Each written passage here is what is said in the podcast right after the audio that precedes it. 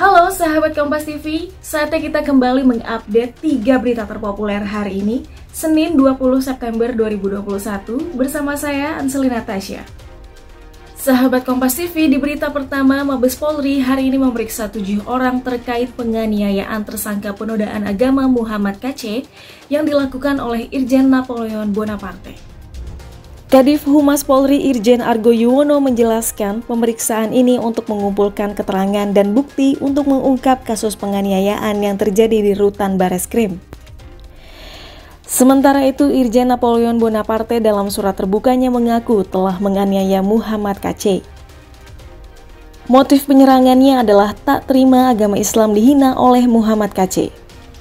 Ia juga menilai konten yang disebarkan oleh Muhammad KC sangat berbahaya bagi keberagaman bangsa Indonesia. Sahabat Kompas TV di berita kedua, seorang narapidana di lapas kelas 1 Tanjung Gusta Medan diduga dianiaya oleh sipir lapas. Dalam video viral, seorang napi menyebut rekannya dipukuli karena tidak memberikan uang kepada sipir lapas.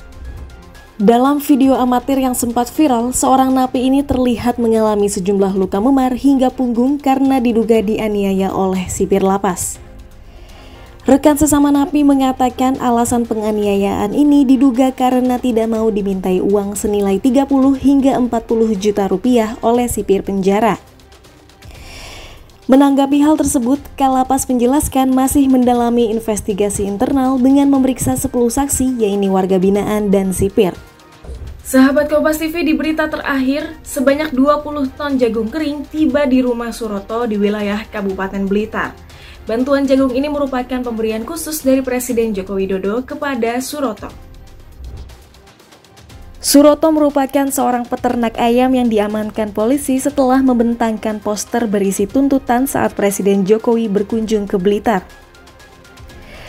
Pada saat itu ia meminta presiden memperhatikan nasib peternak dengan cara menstabilkan harga jagung.